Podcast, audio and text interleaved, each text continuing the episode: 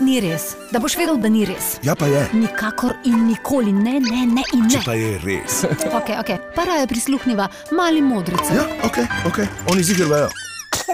Kaj to pomeni, da je mraz? da se lahko kepamo. Ja, to, ko že je zelo mraz, ko že sneži.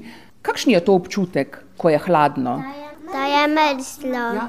da, da zebe, ja, da, se te, da se treseš, da se ogrejemo. In če, če nimamo jopice, če pa imamo jopico, pa si lahko gor oblečemo, da nas ne zebe, da se ne prehladimo. In ja, bi si jokovico, da ne bo stoje joko mojo. Pa se kapo si lovimo, da gor. Ampak tudi včasih starši lečejo, ko nas repe, ko imamo vse jopco kot ali jakno, da tudi gremo not. Si moramo dati vse oblečiti, kar je za zimo. A kaj bi se zgodilo, če bi nas zeblo, pa se ne bi oblekli? Da se prehladimo in da, in da dobimo vročino, Pa da kako- moramo doma ostati.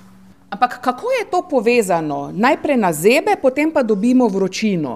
Ko človek ne opazi, da je mrzlo, takrat se prehladi in pridejo bacilije in dobi korono.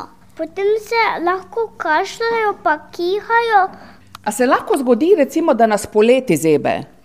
Ker je vroče. Ampak, če piha veter, moramo biti jopico s sabo za vsak ja. slučaj. Pa kaj vi mislite, da ko je mrzlo, da bolj zebe otroke ali bolj zebe odrasle?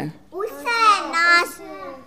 Tudi lahko nas vse, lahko tete, lahko strice, lahko detke, lahko babice, vse nas. A je zdaj že tak čas, da nas že malo zebe zjutraj? Je že tak čas? Frišno. Frišno je. No, vidiš, sem ti rekla. Ja, res je. Če kdo ve, vejo oni. Mali modri si. Kaj bo to na radiju ali kaj? Ja, na radiju Maribor.